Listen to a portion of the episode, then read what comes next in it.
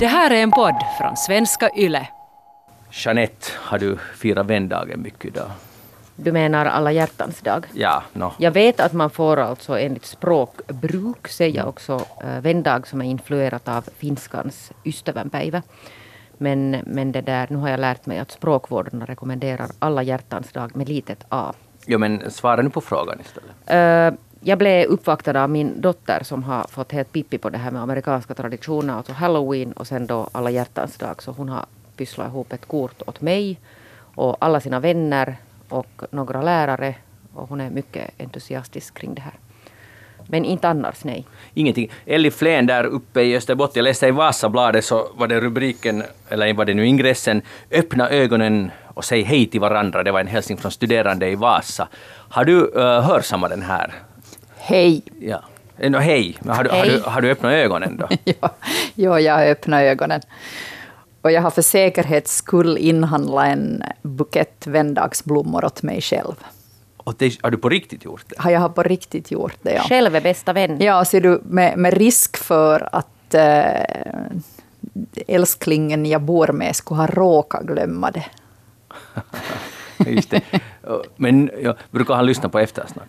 Äh, ibland. Ja, okej. Då hoppas att han... Ja, nu är det svårt att säga, ska vi hoppas att han, att han lyssnar, att han inte lyssnar. För då får du dubbelt upp. Men jag tänker liksom att om han lyssnar så det är helt onödigt nu att gå It's too late. Ja. Nej, det är inte alls. Och sen vill jag nu bara, bara för att det nu inte ska, jag inte ska framstå som, som en sån här jobbig människa som tycker att alla ska köpa blommor till mig, så har ju jag också köpt eh, godsaker till familjen med hjärtan. För jag tänkte faktiskt, det var min nästa kritiska följdfråga, att har du köpt någonting till älsklingen när du nu kräver att han ska köpa blommor till dig? Jo, det har jag. Oh, skönt. Men Jeanette hör inte till det gänget, och inte jag heller, för jag har ju gjort exakt noll saker för att uppmärksamma vändagen, och jag tror inte jag kommer att göra det heller. Så där arrogant kan det vara. Men uh, Alla hjärtans dag, Magnus. vad sa jag just? Du sa vändag. Ah, ja, no, Du är helt alltså influerad av det finska. Urs ursäkta, alla hjärtans dag. Men det där, ungefär sedan 50-talet har jag noterat man har firat det i Norden, eller i alla fall i Sverige, så småningom kommit hit också. Men inte har det ju varit, alltså det är ju från, är det nu inte från USA det kommer? Jo, jo förstås. Jo, jo, så är den här traditionen. Sen, eh, det finns ju massa eh, romerskt helgon och så vidare. Men, men eh, det är som jag konstaterat många gånger tidigare, tänk att man lyckas slå igenom med, på rent kommersiella grunder en sån här dag. Som vi nu ska komma ihåg alla som, eller vi ska komma ihåg våra vänner. Men tydligen funkar det inte för alla. Ja, alltså det är det där att vad ska vi komma ihåg? Alltså i, liksom på, på finska ska vi komma lite mer sådär ihåg vänner. Och sen sådär annars är det ju mer, mer sådär romantiskt skimmer över det hela. Ja, liksom både och. Det är både romantiskt Ja. och också vänner, vänner. Aha, ja, det. Så där okunniga är vi, men vi hoppas att alla har en vän. Det är ju huvudsaken. Hej, viruset sprider sig, uh, coronavirus, som har nu fått ett nytt namn också. Någonting med 19 var det visst. Uh, det där. Så nu har det kanske lite lugnat ner sig tycker man samtidigt, det här virusoron. Alltså, ja, alltså jag vet inte om oron har lugnat ner sig. Nu är det ju ganska mycket ännu i rubrikerna tycker jag. ja. Jag vet inte hur det är där i Österbotten, Elli. I- det blev just ganska mycket i rubrikerna för åtminstone för Nykarleby så var det då en väldigt dålig sak att, att uh, Saga First, det här uh, pälsaktionsbolaget, tvingas ställa in den här årets viktigaste stora pälsaktion i Vanda för att man räknar med att de kinesiska köparna inte kan ta sig till Finland. Och det var ju en avgörande viktig aktion och, och nu blir den inte av och det var illa. Men var det så att man måste ställa in den? Att man kan inte... Det den kommer, de har satt ett nytt datum Var det inte i och hoppas april att kunna eller? ha den på, senare. Jo. Men ja, jag tycker nog att liksom de här, eh, på den här veckan som har gått så kanske nu inte liksom oron och hysterin över själva sjukdomen har, har ökat. Men, men jag tycker att de här liksom ekonomiska och, och finansiella följderna börjar ju nu bli ganska klart att det här kommer ju nog att bli stora saker. Jag menar, det här var en sak, men, men alla, alla bolag, fin, finländska bolag som har verksamhet i Kina som påverkas. finner samarbetsförhandlar med sina piloter och har ställt in flera månaders flyg. Så nu är det ju stora saker som det kommer att ta länge för många att, att reda upp. Jag tror inte riktigt vi har fattat hur, hur stor inverkan det kommer att ha på, på världsekonomin, för att inte tala sen om vad som kan hända med den kinesiska ekonomin, som jag nu inte på något sätt förstår mig på. Men de håller ju, håller ju god min i Kina förstås, som, som de brukar och som sig bör. Men, men vad, vad, kommer det här att leda till i, i det långa loppet? Det tror jag inte vi har riktigt förstått ännu. Mm. Det där, ja, nu fokuserar vi kanske mera för närvarande just på de här det, där, ja, det var den här killen i Kina som sprang ett maratonlopp i sitt vardagsrum. Och det, tycker, det var, det var en god nyhet i det här eländet. Som, alltså det där att vara i karantän i två veckor. Det måste sen vara en hytt på en, ett kryssningsfartyg eller i sitt vardagsrum, så det måste vara ganska sådär mm, knäckande nog om man själv är frisk så att säga.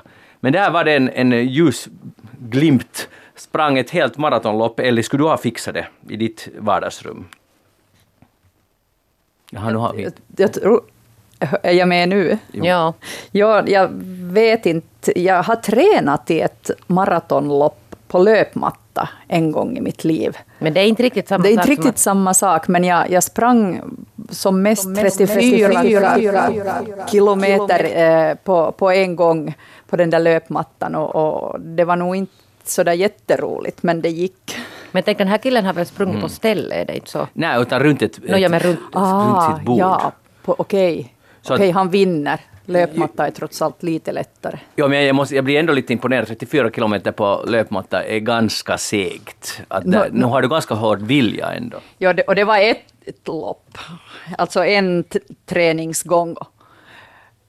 Eh, eh, det var så länge jag var fredsbevarare i Afghanistan, så jag tvingades, eller jag kunde inte springa ute alls. Men om vi återgår till den här coronaviruset, så, så det som är, man blir ju nog lite betänksam över den här, att de har sätter ett helt, hela kryssningsfartyg i karantän, för nu, nu har det ju visat sig att, att, de är, att smittan bara sprids på det där kryssningsfartyget. Borde man inte tagit, släppt människorna i land, hållit dem i karantän i sina hem, eller i något motell någonstans. Att det verkar helt huvudlöst att det på något sätt sprider sig på det där sättet, för det blir allt fler är smittade på det ena, på det ena fartyget. Men det är väl inte egentligen ens så konstigt.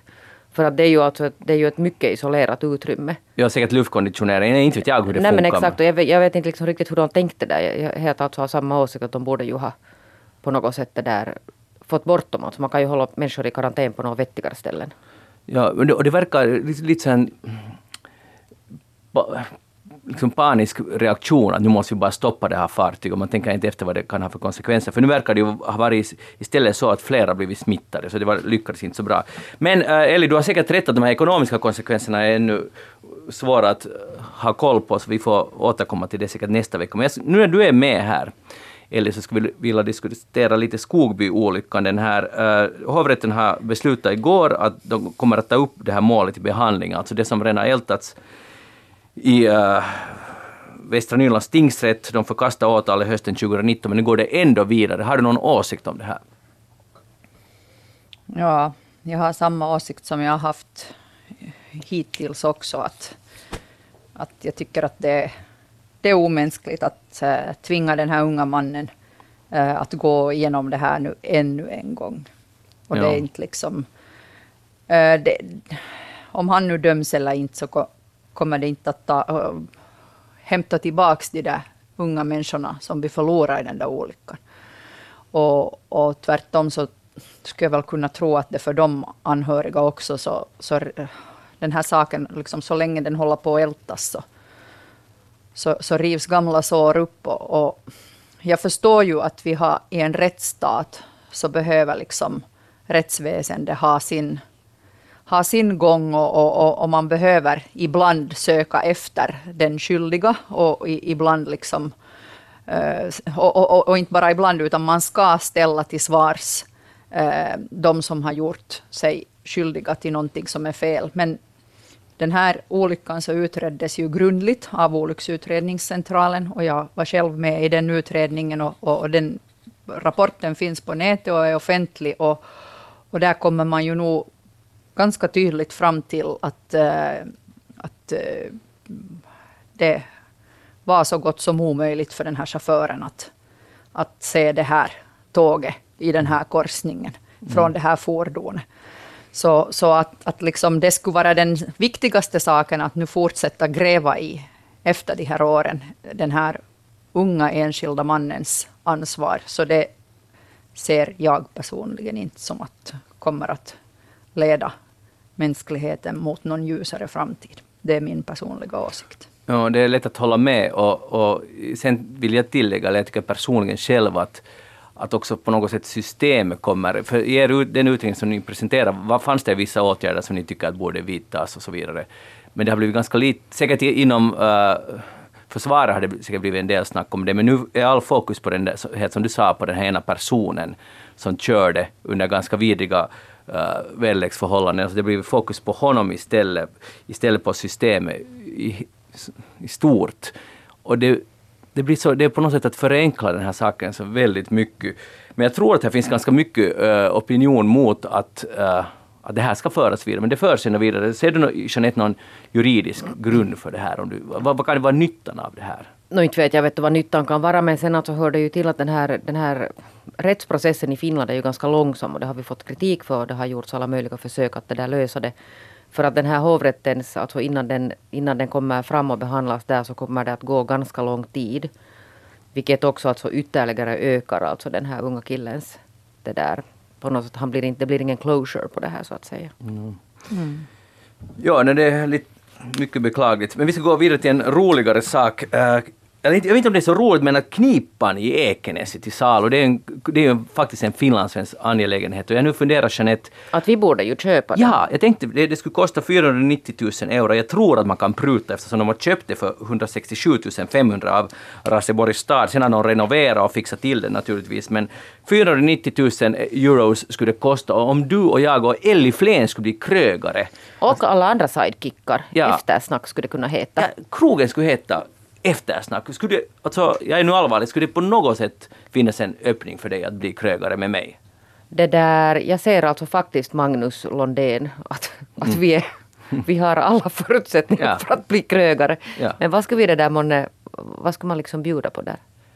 Eh, jag vet inte, alltså jag är själv lite, lite skeptisk för att jag har alltid tänkt att jag skulle starta ett pensionat istället eller resande hem eller något sånt här klassiskt att jag har inte tänkt mig knipa. Men nu när det här dök upp så blev jag lite... Ellie, hur är det med dig?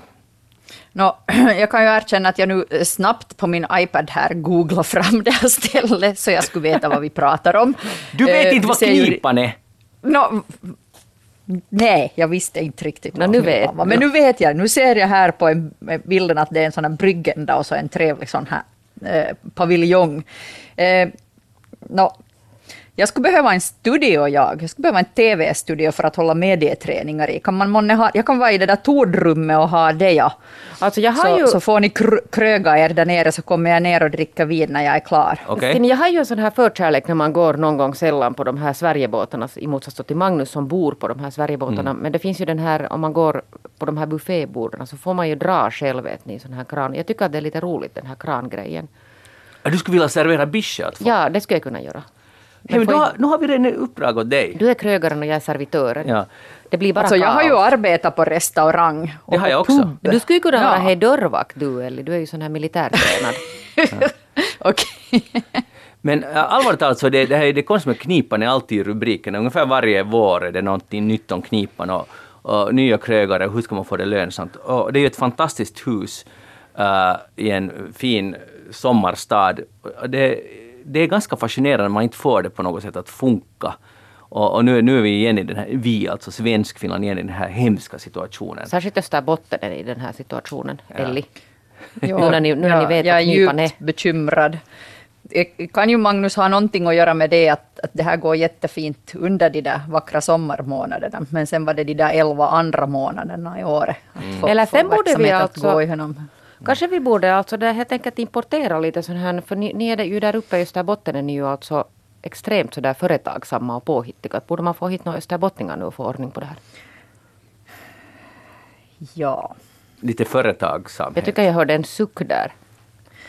Ja, jag, jag fastnar ju och börjar tugga på det där ordet importera. Vi hör faktiskt till samma land. Men, ja, men du förstår att få ner någon hit. Jag förstår vad du menar. Elin blir nu stött. Du sitter ju där i Vasa till exempel. ja, så vi måste importera dig. Men, det är ju om man skulle... Men vet ni vad? Vi tar loss den där knipan. För den, den ser ju ut att flyta omkring och så, så boxerar vi den hit istället. Då kan det bli någonting av. Mm. Så ni importerar knipan till... Vi importerar knipan, ja precis. Vi kan sätta fast den vid Skatan i Månäs. Där har vi ordentligt med bra djup, så segelbåtar kommer in och så... Ja, hej, now we're talking business. Men, men Ellie, det betyder, Jag är med. Att, det betyder eh, att Jeanette och jag måste flytta till Österbotten, till Ja, då, Nykarleby. ni får sitta på. Ni får sitta där och dra den där bischen då, så Nej, vi ska inte dra, jag ska servera den. Jag kan Ja, servera ja, den. no, men du... Ja, jag, precis. jag, jag ska dra bish. Okej, men- men vi, vi avslutar den diskussionen. Istället har vi en österbottnisk äh, hjältehistoria, nämligen äh, körsångare i Solf blev bestulna på sina jackor och en bil av, av eh, nesliga tjuvar. Så medan de hade körövning i Solfs församlingshem så blev alltså Helsingby, Helsingbykören bestulen på sina jackor och inklusive då en bil, för det fanns en bilnyckel i ena jackor. Eller jag hoppas du har läst om den här incidenten. Ja.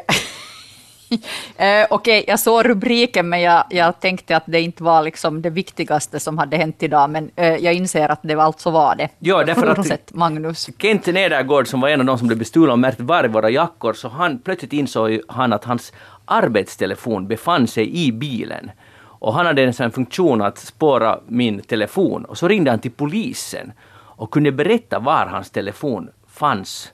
Alltså var, vart, bilen hade, vart bilen hade kört. Och så får bilen, bilen och, äh, polisen att plocka upp tjuvarna. Tagna på bar gärning. Och jag, jag, blir, jag blir så glad. Smart tänkt av Kent och, och, och just sådana här... Det, alltså, det, jag tycker det är ganska liksom Härligt. fegt av tjuvar. Att där är man i Guds hus, sjunger, övar sig att sjunga, har lämnat sina jackor i, i tamburen och så smyger man in och tar jackorna. Alltså det är verkligt fega tjuvar. Jeanette, blir du upprörd? No, jag blir upprörd men sen blir jag glad att det tydligen då fanns en polis som hade tid att, att engagera sig för att det är ju inte alltid så på alla orter. Ja, jag skulle nästan säga att om man skulle ringa till polisen i Helsingfors och säga att mina jacka har blivit stulen så skulle de säga att eh, polis i Pistefia, där kan du göra en anmälan, varsågod. Jag gjorde nämligen en sån anmälan när vår registerskylten till vår arbetsjobbbil blev stulen. Då gjorde jag en, en anmälan och, och det här gjorde jag i oktober på svenska. Och nu, igår, fick jag ett brev från polisen där min eh, rapport liksom en, ett kopierat papper med rapporten, den text jag själv hade skrivit, plus att det stod att förundersökningen har lagts ner i brist på, be, på, på bevis. Och det här var alltså, det tog alltså fem månader för det här att ske. Så att Elin, ni ska vara glada att ni har poliser som kan ta sådana här tjuvar på bar gärning. Och, och smarta körsångare. Ja, dessutom. Det här var ju en bra historia. det var bra jobbat. Hurra. Jeanette Björkqvist, vad har du tänkt på den här veckan? No voi vet du, vet du, vet du. Jag har läst alltså en helt underbar sån här krönika i Dagens Nyheter. Jaha. Eh, rubriken Magnus, alltså jag har tänkt på dig vet du ända sedan jag läste den. Det var någon gång där i helgen tror jag. Varför blir män besatta så fort de ska göra något? Jepp. Är rubriken på det här. Och jag, säger, alltså jag på något sätt känner att det här är alltså skrivet åt dig. Ja. Det är alltså en sån här som är skriven lite sådär, alltså det, det är en reporter, Kristoffer Ahlström, som har skrivit lite om sin egen, eh, sin egen utveckling. Och sen alltså lite vävt ihop den till en sån här allmän alltså, sån här resonemang kring män. För han hade själv alltså som nyårslöfte beslutat sig för att börja styrketräna. Alltså lyfta tyngder och så här. Lyfta tyngder. Och sen så har han då hittat sig en månad senare. Så för han in sina måltider i kalkylblad i Excel. Och beställer sådana prestationshöjande preparat på nätet. Han är alltså helt besatt av det här. Att det var inte så här att man bara går lite på gymmet. Utan han har gått alltså all in. Och den här kolumnen handlar om det. Att varför gör män så här? För att sen har han då tittat sig omkring i sin vänskapskrets och märkt att alla män är likadana. Man hittar på någonting. Han tar alltså här en, en till exempel som blev, en kompis som blev intresserad av suröl som kostar 300 kronor flaskan. Eh, och, och den här vännen alltså, det, det räckte inte att han började smaka på den här ölen utan åker han på någon sån här swingers-liknande partyn där alla män som är besatta av den här surölen är med och så håller man på att smaka på det här. Men det har ju ingenting med swingers att göra. Nej, men, Nej men alltså han kallade det ja. sån här. Och sen en annan vän som blev intresse- lite intresserad av matlagning och så köpte han en grill för 50 000 kronor. Men förstår ni att, att det liksom går alltid helt överstyr. Ja, jag, jag förstår nog precis Ja, vad jag vet menar. att du förstår. Ja. Och, det där, och jag, jag tittar ju alltså omkring mig i min omgivning och, och på något sätt känner att, att äntligen tog någon tag i det här. Och så söker han förklaringar till att varför är det så här. För att Mm. det är alltså explicit alltså en skillnad mellan män och kvinnor. och har hittat en etnolog på, på Malmö universitet, Jesper Fundberg, som förklarar att, att det handlar om det här med, med maskulinitet så är det alltså tävlan och hierarkier är någonting som pojkar tränas i. Och det är på något sätt det här som, som det där att, att män söker sin plats i hierarkin och det är det sen som driver dem. Medan det där flickor ofta då antas stanna på samma nivå och inte sticka ut. Män alltså då, eller pojkar tränas liksom helt tvärtom. Och det här alltså sen i förlängningen leder till det att, att det där man på något sätt ska ta ut alla svängar och så ska man vara på något sätt häftigast av allt och liksom gå all in för, för det här. Mm. Och dessutom refererar han till en som säkert ser alltså ungefär lika ut i, i Eh, Finland, alltså en sån här eh, mätning av, av mäns fritidssysslor. Eh, så visar alltså att, att svenska män ägnar 43 procent mer tid åt hobbyer på fritiden än vad kvinnor gör. Men sen när det gäller social samvaro så är, så är alltså proportionerna helt omvända. Det vill säga män håller på med sin, sin hobby som de blir besatta av och kvinnor träffar sina vänner. Mm. Att ungefär så här. Mm. Men den är en fantastisk kolumn den här alltså. Men här, det, det där är ju en sida av verkligheten men uh, på riktigt är det ju så att det finns en helt annan förklaring och det är det att tydligen i motsats till kvinnor så har män passion i livet. Att de, de, de, på riktigt, de brinner för någonting och gör det riktigt på allvar. Och, och, och, och det är det viktiga. Om, om det nu, vad, vad var det, suröl, jag vet inte ens vad det är. Ja. Men suröl, det lär vara någonting som dagsgammalt vatten i diskhon. På det, det, det, kan vara diskvatten. Men är det inte vackert? Alltså jag är helt allvarlig. Det är inte vackert att de här männen, att nu är suröl det som gäller. Så får man på konferens någonstans och dricker suröl. Jag blir glad när jag hör det. Ja, jag, vet, och jag, jag många... tycker om män. Och du har ganska många gånger tagit upp alltså just de här, ja. här i detta program också. Ja. Men han skriver så här också att en matlagningsintresserad man lagar inte fiskpinnar på en tisdag. Istället gör han performance av det så att han kan få bekräftelse. Ja. No, men igen, det är tolkning. Det kan, en annan tolkning kan vara att han tycker om att laga mat. Att, att, att, ni, ni måste sluta med så här dissande. Men inte har någon dissat. Det här är alltså... Visst, du dissar nej, just! Nej, jag läser upp vad det Kristoffer Ahlström skriver. Jag bara förmedlar. Skjut inte budbärare. Vi frågar Elli, lite österbottnisk klok vishet här. Hur ser du på det här? Passion eller vad det nu sen annars var? Ja, no, um, jag önskar att kanske att jag skulle vara man på den här punkten. Att jag skulle du kan bli man. Alltså, eller jag är kanske lite man, för jag är nog, har lite det där samma felet att när jag gör någonting så, så, så ska det göras till 120 procent. Men gäller det alltså och, dina hobbyer? För det här är nu uttryckligen alltså hobbyer, eller något fritidsintressen. Just det, vad har jag för fritidsintressen? No, ja, det, var alltså jag, jag, det var ju det. Alltså jag önskar ju, men jag kan tänka så här, till exempel med, när det gäller träning. Så där är, tycker jag att problemet för mig är att jag kan liksom knyckvis bli jätteentusiastisk och så, och så börjar jag som en galning. Uh, och, och, och, och, sen, och det, det, vet ju, förstår ju varje människa att om man till exempel börjar springa som en galning och har haft ett läng, längre uppehåll så går det ju inte bra. Och så, utan då skadar man ju sig och blir sjuk eller någonting då ganska snabbt och så, och så där var det då igen en stund. Och, och så blir det sådana här cyklar. Men att, att samtidigt så är det ju också väldigt lätt att, att ge upp för att man är lat. Så, så jag önskar att kanske att jag skulle vara man och, och klara av att helt skita i allt annat och bara fokusera på den där hobbyn då. Men jag klarar ju inte av att se de där, att låta bli att se de där dammtussarna eller det där diskberget eh, som skulle behöva åtgärdas där hemma till exempel. Mm. Men, men, men... Så, så jag, man ska, den där förmågan att, att bara strunta i allt annat och, och fokusera på, men, men, men jag gör det nog när det gäller jobb. Men grejen är det att man, ska borde... dra det, att man ska dra det liksom ännu lite vidare, lite till exempel sådär att man får för sig att man ska börja springa barfota. Mm, till exempel. Mm. och, det, och, det, är vackert, det är fint. Och det, det som du, ni, ja. gör ni båda nu eh, fruktansvärt kardinal, kardinalfel. Ni, eller du talar om att uh, mm, att du skulle vilja vara, vara man och då till exempel springa på löpmatta 34 kilometer, vilket du ju bevisligen har gjort. Men som om en man som skulle dricka, eller ha passion för suröl eller vad det nu var, inte skulle kunna också tycka om, eller i alla fall diska den där disken eller städa bort den där dammen. Inte, inte det är så att de utesluter varandra för män de här.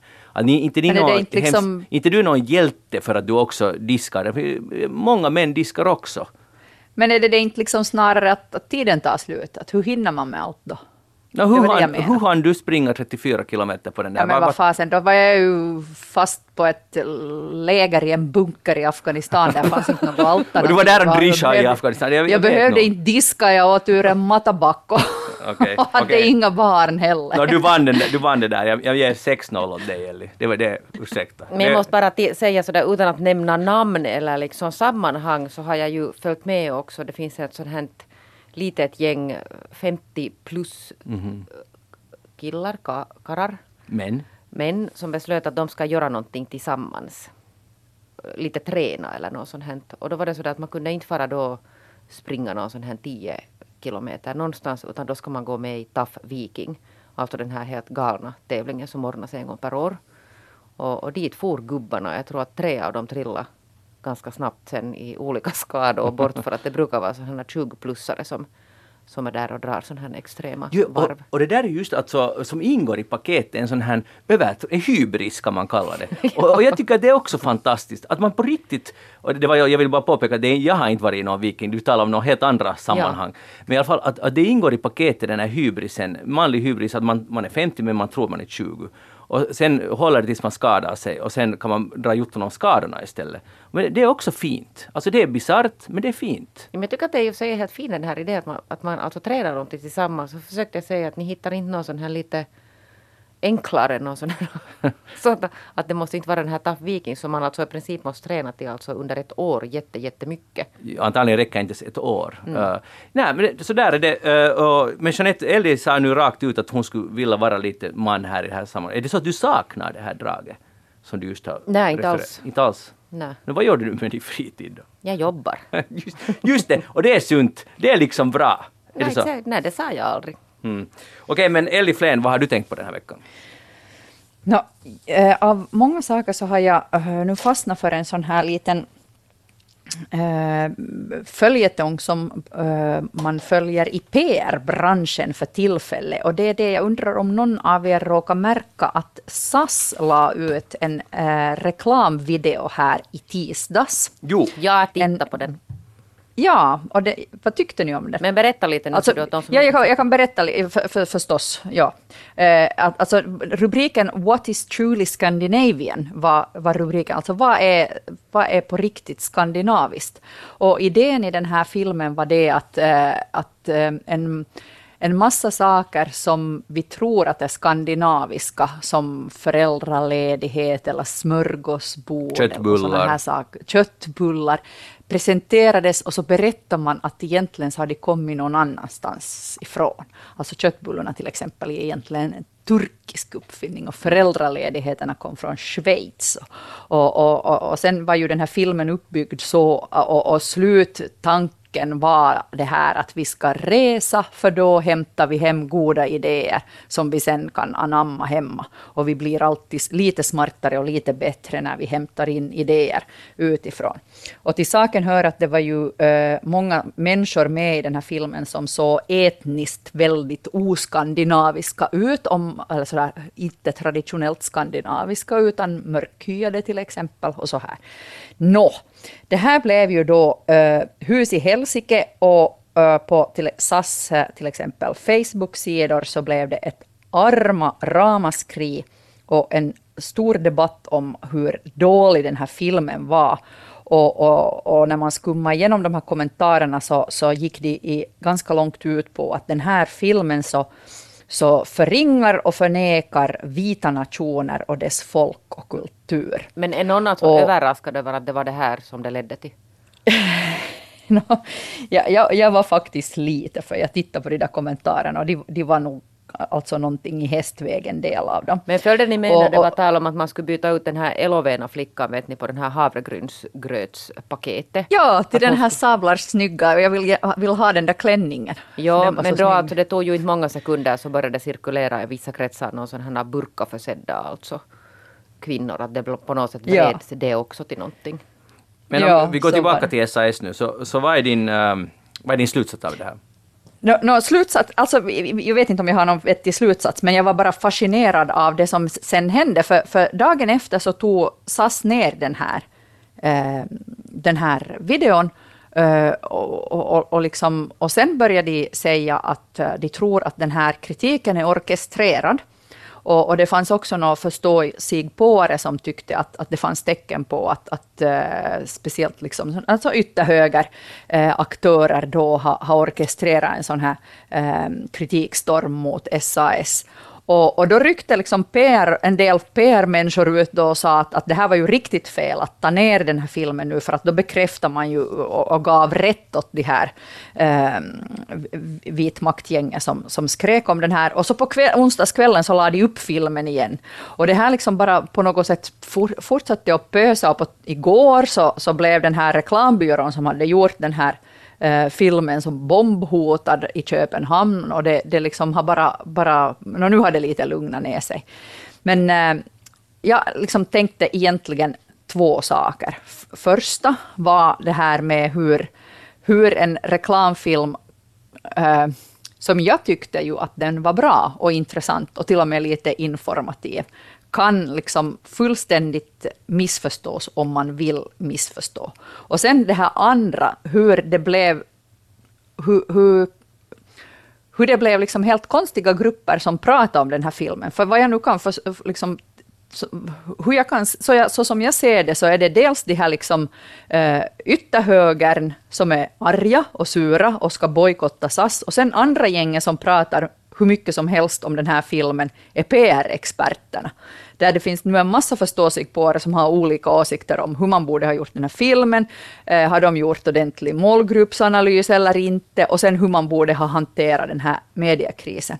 Men jag har egentligen sett väldigt lite av, av den debatten där man skulle liksom försvara den här filmen, tycka att den var bra eller eller liksom, ska vi säga vanliga resenärerna, vad de tycker om det här. Och då drar jag den slutsatsen att kanske, kanske den var helt okej, okay, den där filmen. Mm. Uh, det, det, har ju blivit debatt. Jag så, läste bara en kolumn i Svenska Dagbladet där man uh, i och för sig tycker att konstigt blev sån här uppståndelse, men att, att att den också förringar, alltså det, det, var inte någon eh, ytterhöger som skrev det här, men varför kan man inte säga att ja, köttbullarna kom från Turkiet, vila till lingonsåsen och, och så vidare. Att, att man uttryckligen måste, som om det finns ingenting som är genuint skandinaviskt. Alltså, det Nej helt... men det, det säger ju inte den där filmen utan den säger ju också att den låter ju nog förstå att vi tog det här och sen liksom, mm. sen alltså dels alltså det att, att Skandinavien tog allt det här, alltså jag menar alla de här ingredienserna och sen gjorde man något litet och hela den här helheten sen tillsammans blir alltså det här skandinaviska. Okej. Okay. Ja. Då, då är det ju liksom intressant att, uh, att tänka att människor orkar bry sig. No, men vet, ja. Jag måste säga att jag nu inte alltså som, som nu har följt med ganska mycket den här, sån här social mediedebatt och alla dessa avarter, alltså till exempel just orkestrerade alltså angrepp mot diverse alltså personer och, och institutioner. Så jag är inte alls alltså överraskad. Jag tycker också att det var helt dumt av dem att ta bort den ens för en liten stund. Man ska inte böja sig alltså för de här, mm. det här gänget. Det är just det här vad de vill. Men, men det är ju också att om man har en någorlunda sund självkänsla och också självförtroende så blir man ju inte liksom stött av att SAS gör en sån här reklam. Nej, men att då borde man ju tycka att Norden är fint ändå och det är sant att vi har fått influenser från alla möjliga håll. Man borde ju inte kunna gäng, bry sig. Det finns ett gäng alltså där ute som är alltså jätteaktiva. De, de lär inte alltså vara många men de är hemskt duktiga på att organisera ihop sig alltså och framstå som att de ska vara mycket större. Mm. än vad de Exakt. är. Som alltså, det spelar ingen roll, vet du, att säger du att det är vackert väder så kan du få, vet du, på något sätt lyckas de vrida allting. Mm. Exakt, och det, det, det, var, det var lite det som, som sen blev intressant och, och, och, den här kopplingen till, till det som hände förra veckan med det här Li Anderssons skitsnack-uttalande, hur, hur, liksom, hur eh, snacket gick efter det. För nu, nu i det här SAS-filmen också så var det ju Richard Jomshoff, hur man nu säger hans namn, den här Sverigedemokraten, som, som också delade och, och konstatera att han kommer att bojkotta SAS. Och, och då, då tog det ju riktigt eld under den här eh, kritikstormen då när han lyfte upp det. Och likadant har vi ju här, att om Jussi halla lyfter upp någonting och kritiserar någonting, så, så då sätter det där drevet verkligen igång. Och, och det, det, är ju precis som du säger, Jeanette, att det bevisar vilken makt de, de här eh, vissa profilerna har och hur, vilken uh, otroligt liksom, trogen skara anhängare de har som är snabba att haka på och sen gå lite längre. Och sen kan de Ja, sen kan de alltid skaka av sig det här och säga men de har inte gjort någonting. Men, Nej. De kan inte ta ansvar för sina följare. men tycker, jag, jag vill bara fråga, jag har inte sett filmen, jag har bara läst om den ganska mycket. Men eh, finns det ingen sån här, får man inte alls, kan man få, eller tydligen kan man, men får man inte alls känslan av att man uh, nedvärderar skan, det skandinaviska och är det, det är liksom inte alls på det sättet. Men det är ju sådana här subjektiva tolkningar. Ja. Alltså min subjektiva tolkning är att nej, verkligen inte. Okej. Nej, inte, jag fick inte det heller. Du behöver nog titta på den, Magnus. Men, men jag, jag fick verkligen inte den känslan, utan tvärtom var det en sån här liksom, ah ja, är det så? Men vad spännande. Men, men, men nog tycker jag ju att budskapet var att, att vi har varit alltid bra på att knycka goda idéer och så gör vi det till vårt. Och det är det vi har byggt upp vårt samhälle av. Och vårt samhälle är i ständig förändring, för vi, vi tar hela tiden in nya intryck och nya goda idéer som vi sen anammar och, men- och, och kanske gör det lite bättre. Men, men po- huvudpoängen var ju att man ska resa, för då får man då får man goda intryck med sig hem. Och det är ju Och helt det är så rätt man bygger budskap. ett bra samhälle. Mm. Det är ju helt rätt budskap och det är inte bara Skandinavien som har sysslat med det- alla samhällen Nej, nej, och det är med liksom också ett sätt att det där, ifrågasätta det här, för det talas hemskt mycket det här om att, att, att finländsk kultur är hotad och, och svensk kultur är hotad. Och så frågar man sig att vad är svensk kultur? Vad är liksom svenska traditioner? Vad är finländsk kultur? Vad är finländska traditioner? Och sen när man liksom börjar koka ner det till individnivå så alla har en egen uppfattning om det. Inte finns det någon sån här allmänt vedertagen någonting att, att det här är liksom någonting som alla omfattar. Som man alltså sällan tänker på. Och sen låter man det bara alltså gå till exempel just det här gänget som, som sätter igång sådana här drev. Så får använda det alltså utan att någon utmanar dem och frågar men vad är det då ni talar om? Ja, det är nog, det är nog en tidstecken att man ska bli så där upprörd. Och det, det är konstigt för att sen, å andra sidan så är ju Skandinavien ett jättehett brand så att säga ute i världen just nu. Så det finns mycket vi kan vara stolta över och mm, kanske inte lingon, köttbullar med lingon är den viktigaste saken, eller verkligen inte, men det finns ju många andra saker där. Så då måste man ju också kunna ta lite, och jag vet inte om det var ju inte ironiskt, eller vad det här nu var, den här reklamen. Men men det var ju trots allt en reklam för SAS. Den är inte större än det. Men, men jag läste en, en artikel, en kolumn i New York Times som lite, inte alls tangerar det här, men tangerar Skandinavien. Det är David Brooks, heter skribenten, och han hyllar Skandinavien. Uh, och han konstaterar just att alla hyllar Skandinavien nu för tiden. Men vad är egentligen orsaken? Så det, är det välfärdsstaten eller vad, det, må, det ena och det andra? Men han kommer fram till det som har gjort Norden unikt är bildningen. Att vi har satsat på folkskolan först och sen grundskolan och så vidare. Uh, att man har tidigt insett att alla måste få den här. Och, och med, det, med bildning menar han inte bara att man lär sig att räkna eller lär sig att skriva, utan han talar om, alltså det, man, blir helt, man får tår, tårar i ögonen när man läser det, att det är ett livslångt lärande i Skandinavien och moraliskt och på alla sätt lär vi oss hela tiden och utvecklas som människor. Och, och att det här, man ska inte bara lära sig för att klara av ett yrke för att kunna betala sitt bostadslån, utan det är en sån, som människa utvecklas. Och han hyllar det här. Och, och det är lite överdrivet, men samtidigt blir man helt att man ser ju inte sånt här när man bor själv i det här landet. Så jag skulle fråga, känner ni er bildade? Känner ni att ni är, kan ni fara ut i världen och tycka att ni är lite bildade? No, inte vet jag om jag skulle påstå liksom att jag är bildad men, men nu kan jag ju stå för det här nordiska välfärdssamhället. Och, och det är ju något som man gärna flaggar för när man är utomlands. Ja. Och det var ju nu den här veckan också jättemycket debatt om eh, skattenivån och viljan att betala skatt som börjar med en tweet i, vad heter hon, kongressledamoten, äh, uh, no, nu kommer jag inte ihåg, Cortés, som, som twittrade om det och så svarar ju finska skattemyndigheterna. Och det tycker jag är alldeles briljant att skicka ut en undersökning om, om, om den höga viljan och, av att betala äh, skatt i Finland. Eller läste du det här och, om, om skatte, skatterna? Ja, och, och, och, och jag menar, jag, ja, jag, jag, jag försöker svara på många saker på samma gång, för jag skulle svara på det där om, om jag tycker att jag är bildad. Ja.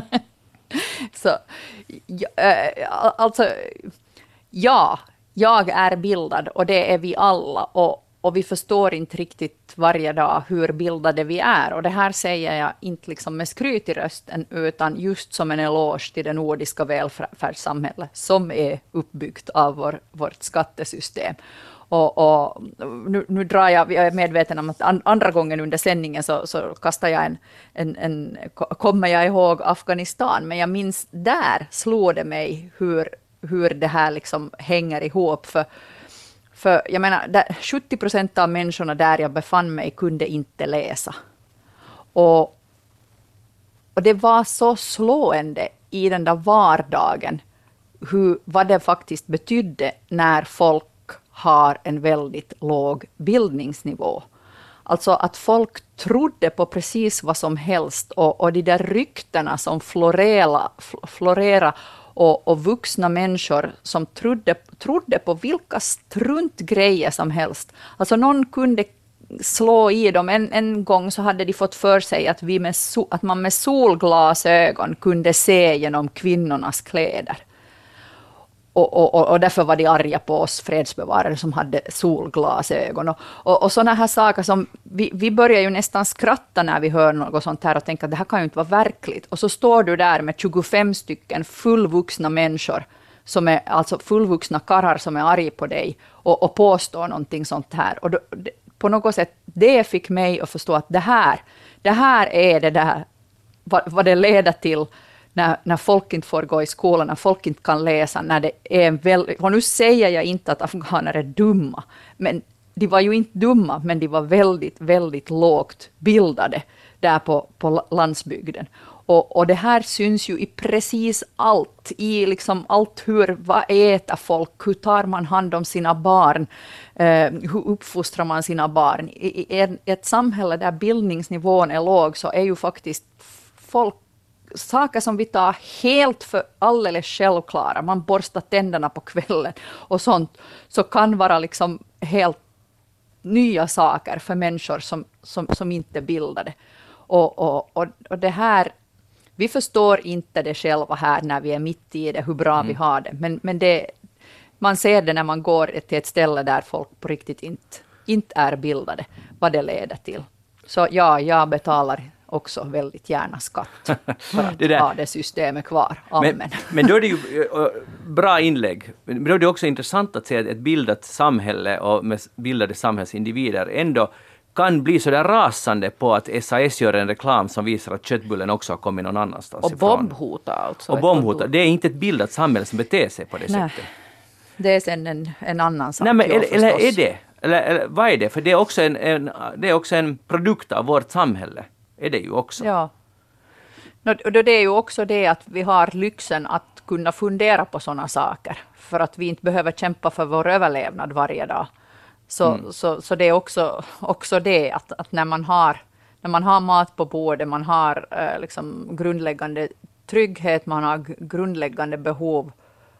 Eh, och, och, och, men, och sen är det ju det när man har det tillräckligt bra och så börjar man, man snegla på någon annan som ännu har det lite bättre och börjar känna det där att jag borde också ha rätt till att ha det så där lika bra som grannen.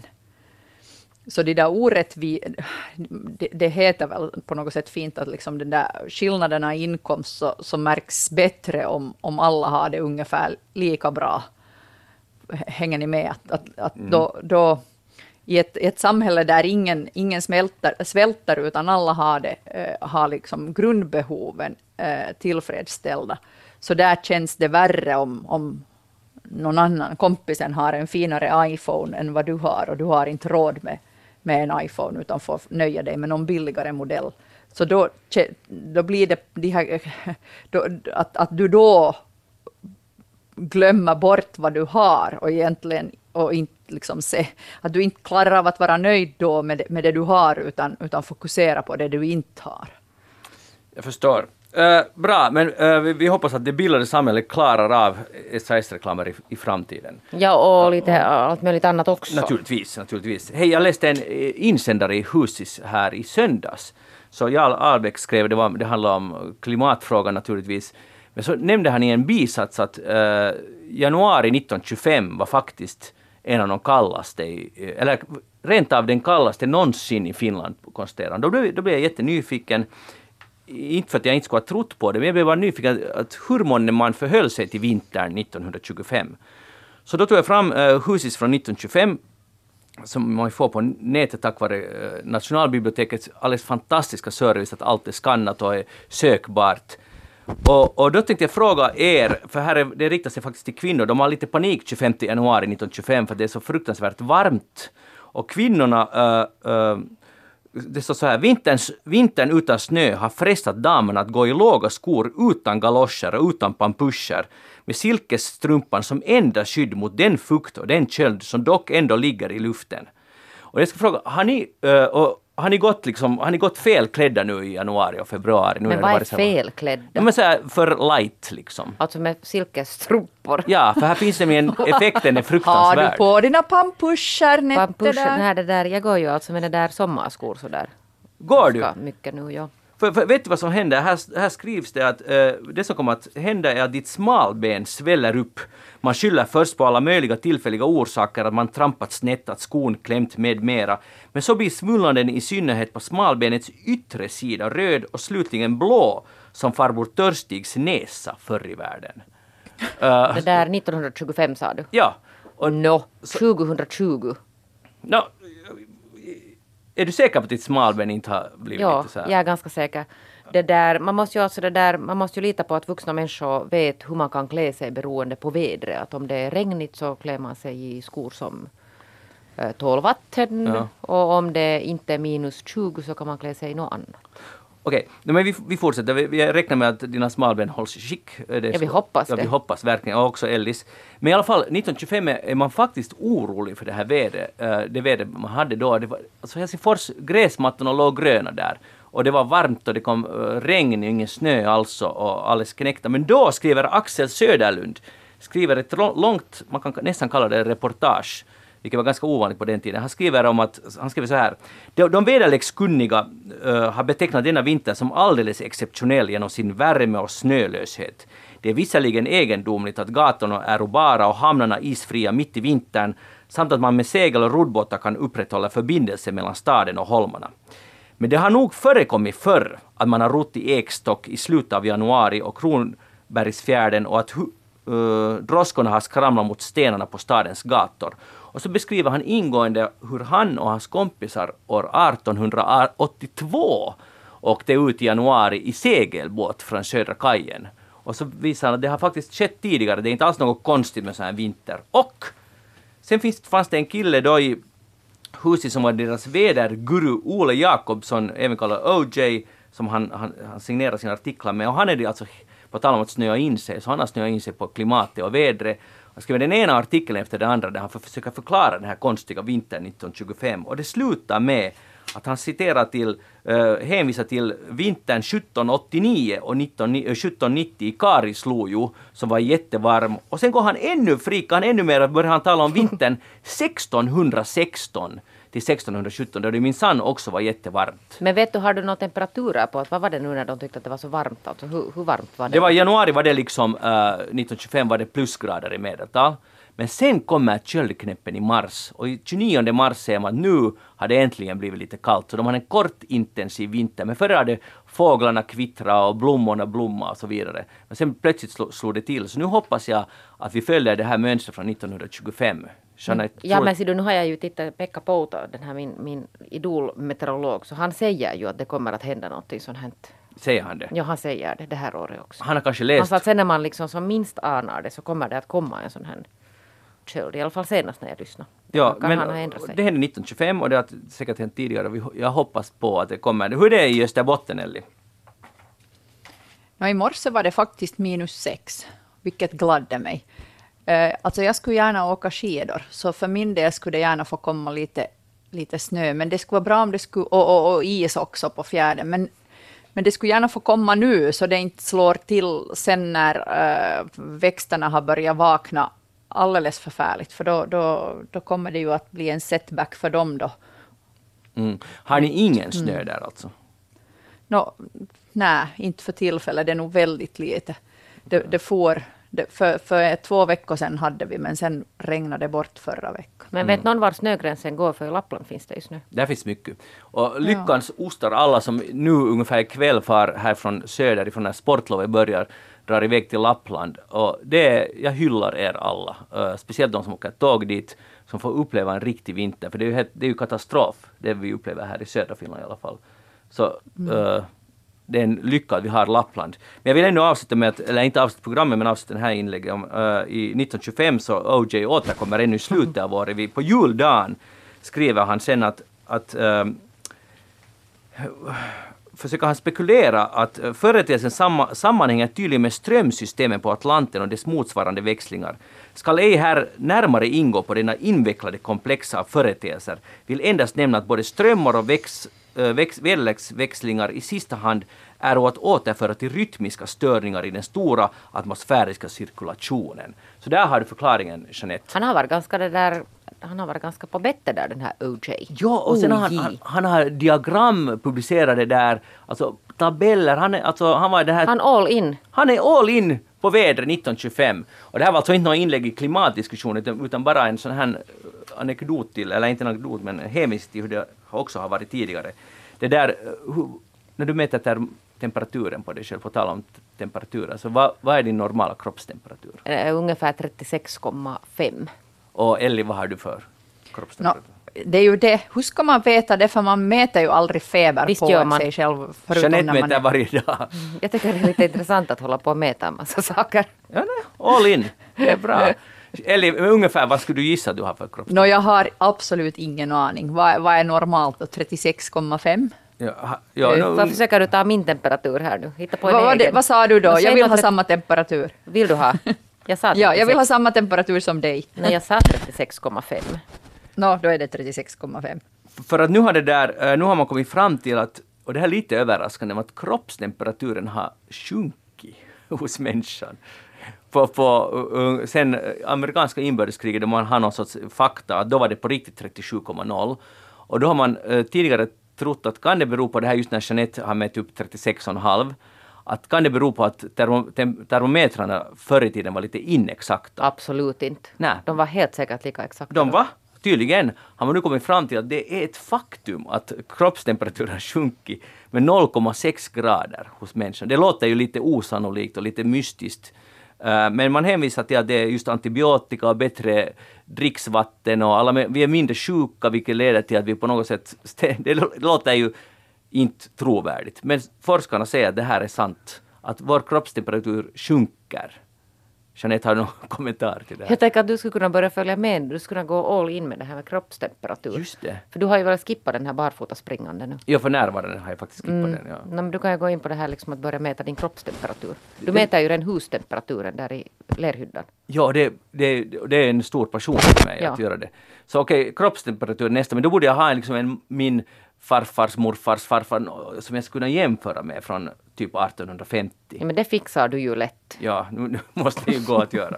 Exakt. Hej, sportlovet, tänker du alls fira det Jeanette? Nej, vet du, jag har det där nu deadline på mitt bokmanus den sista februari, så jag har lite bråttom nu. Ja, men barnet då? Nå, barnet ska få åka till sin farmor med sin pappa. Du skyfflar ut dem över hela sportlovet? Nej, jag gör inte. De far nog helt på eget bevåg, men jag kan tyvärr inte följa med. För, nej, för du ska jobba. Ja, jag måste jobba på min fritid. Eli, ni har ju inte sportlov ännu, uh, men det börjar väl nästa vecka antar jag? Ja. Och hur tänker du fira det? Och vi kommer faktiskt att åka till Södern och simma. Till Helsingfors? Det var min... Nej. vi tar det lite längre. Så det var mina söner som fick bestämma och då var det utan diskussion så var det Kanarieholmarna som gällde. Oj då. Oj, mm. oj, oj, nu ska vi ha så mycket, vi har bara en minut kvar. Alltså, sportlovet i Kanarieöarna, jag vet att det är jättepop. Men, jag brukar ju åka söderut, ja. alltså till solen varje sportlov, utom detta år. Och jag försöker varje år uh, förstå det här fenomenet. Och, och, det där, det är, alltså det är värmen helt enkelt, är det det du försöker säga? Det är det som lockar? Och ljus. Värmen och ljus. Och, ja, och här har vi ingen snö, så att i år är det kanske lite förståeligt. Men med dessa ord, Jeanette Björkqvist, eh, jag hoppas du har ett jätteproduktivt sportlov. Ja, och, och vi får där. se nästa fredag. och lyckans ostar. Skida flitigt, åk skidor så mycket ni bara hinner, ni som har tillgång till snö. Det är en, en lyxvara den här vintern. vintern. Och Elli Flen, hoppas ni har det skönt där i södern sen när ni åker iväg. Tack så mycket. Tack för att ni lyssnade på oss och vi beklagar de här tekniska störningarna som vi hade idag. Vi ska se till att det inte fixar, inte att det inte upprepas. på samma sätt upprepas nästa gång. Jag heter Magnus Lundén, programmet så Eftersnack. Vi är tillbaka igen om en vecka. Ha det så bra tills dess. Hej då.